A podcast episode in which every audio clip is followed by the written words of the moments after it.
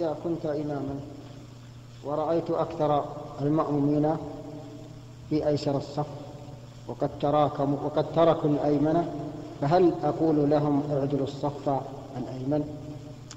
نعم إذا إذا كنت إماما ورأيت الناس منحازين إلى أحد الجانبين الأيمن أو الأيسر إيه، بفرق واضح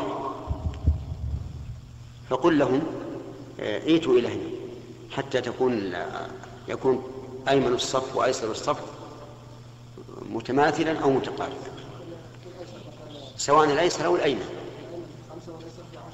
أي نعم نقول العشرة يجي منكم اثنين يصلون باليمين أو ثلاثة ثلاثة أحسن لأن الأيمن أفضل إذا تساوى مع الأيسر. نعم. وإذا لم يفعلوا ذلك على الإمام شيء؟ إذا إذا إذا أمرهم ما أظنه لا يفعل أبدا. لأن الإمام إمام مطاع. وإلا وش الفائدة من أن يقول استووا؟ اعتدلوا وش الفائدة من هذا؟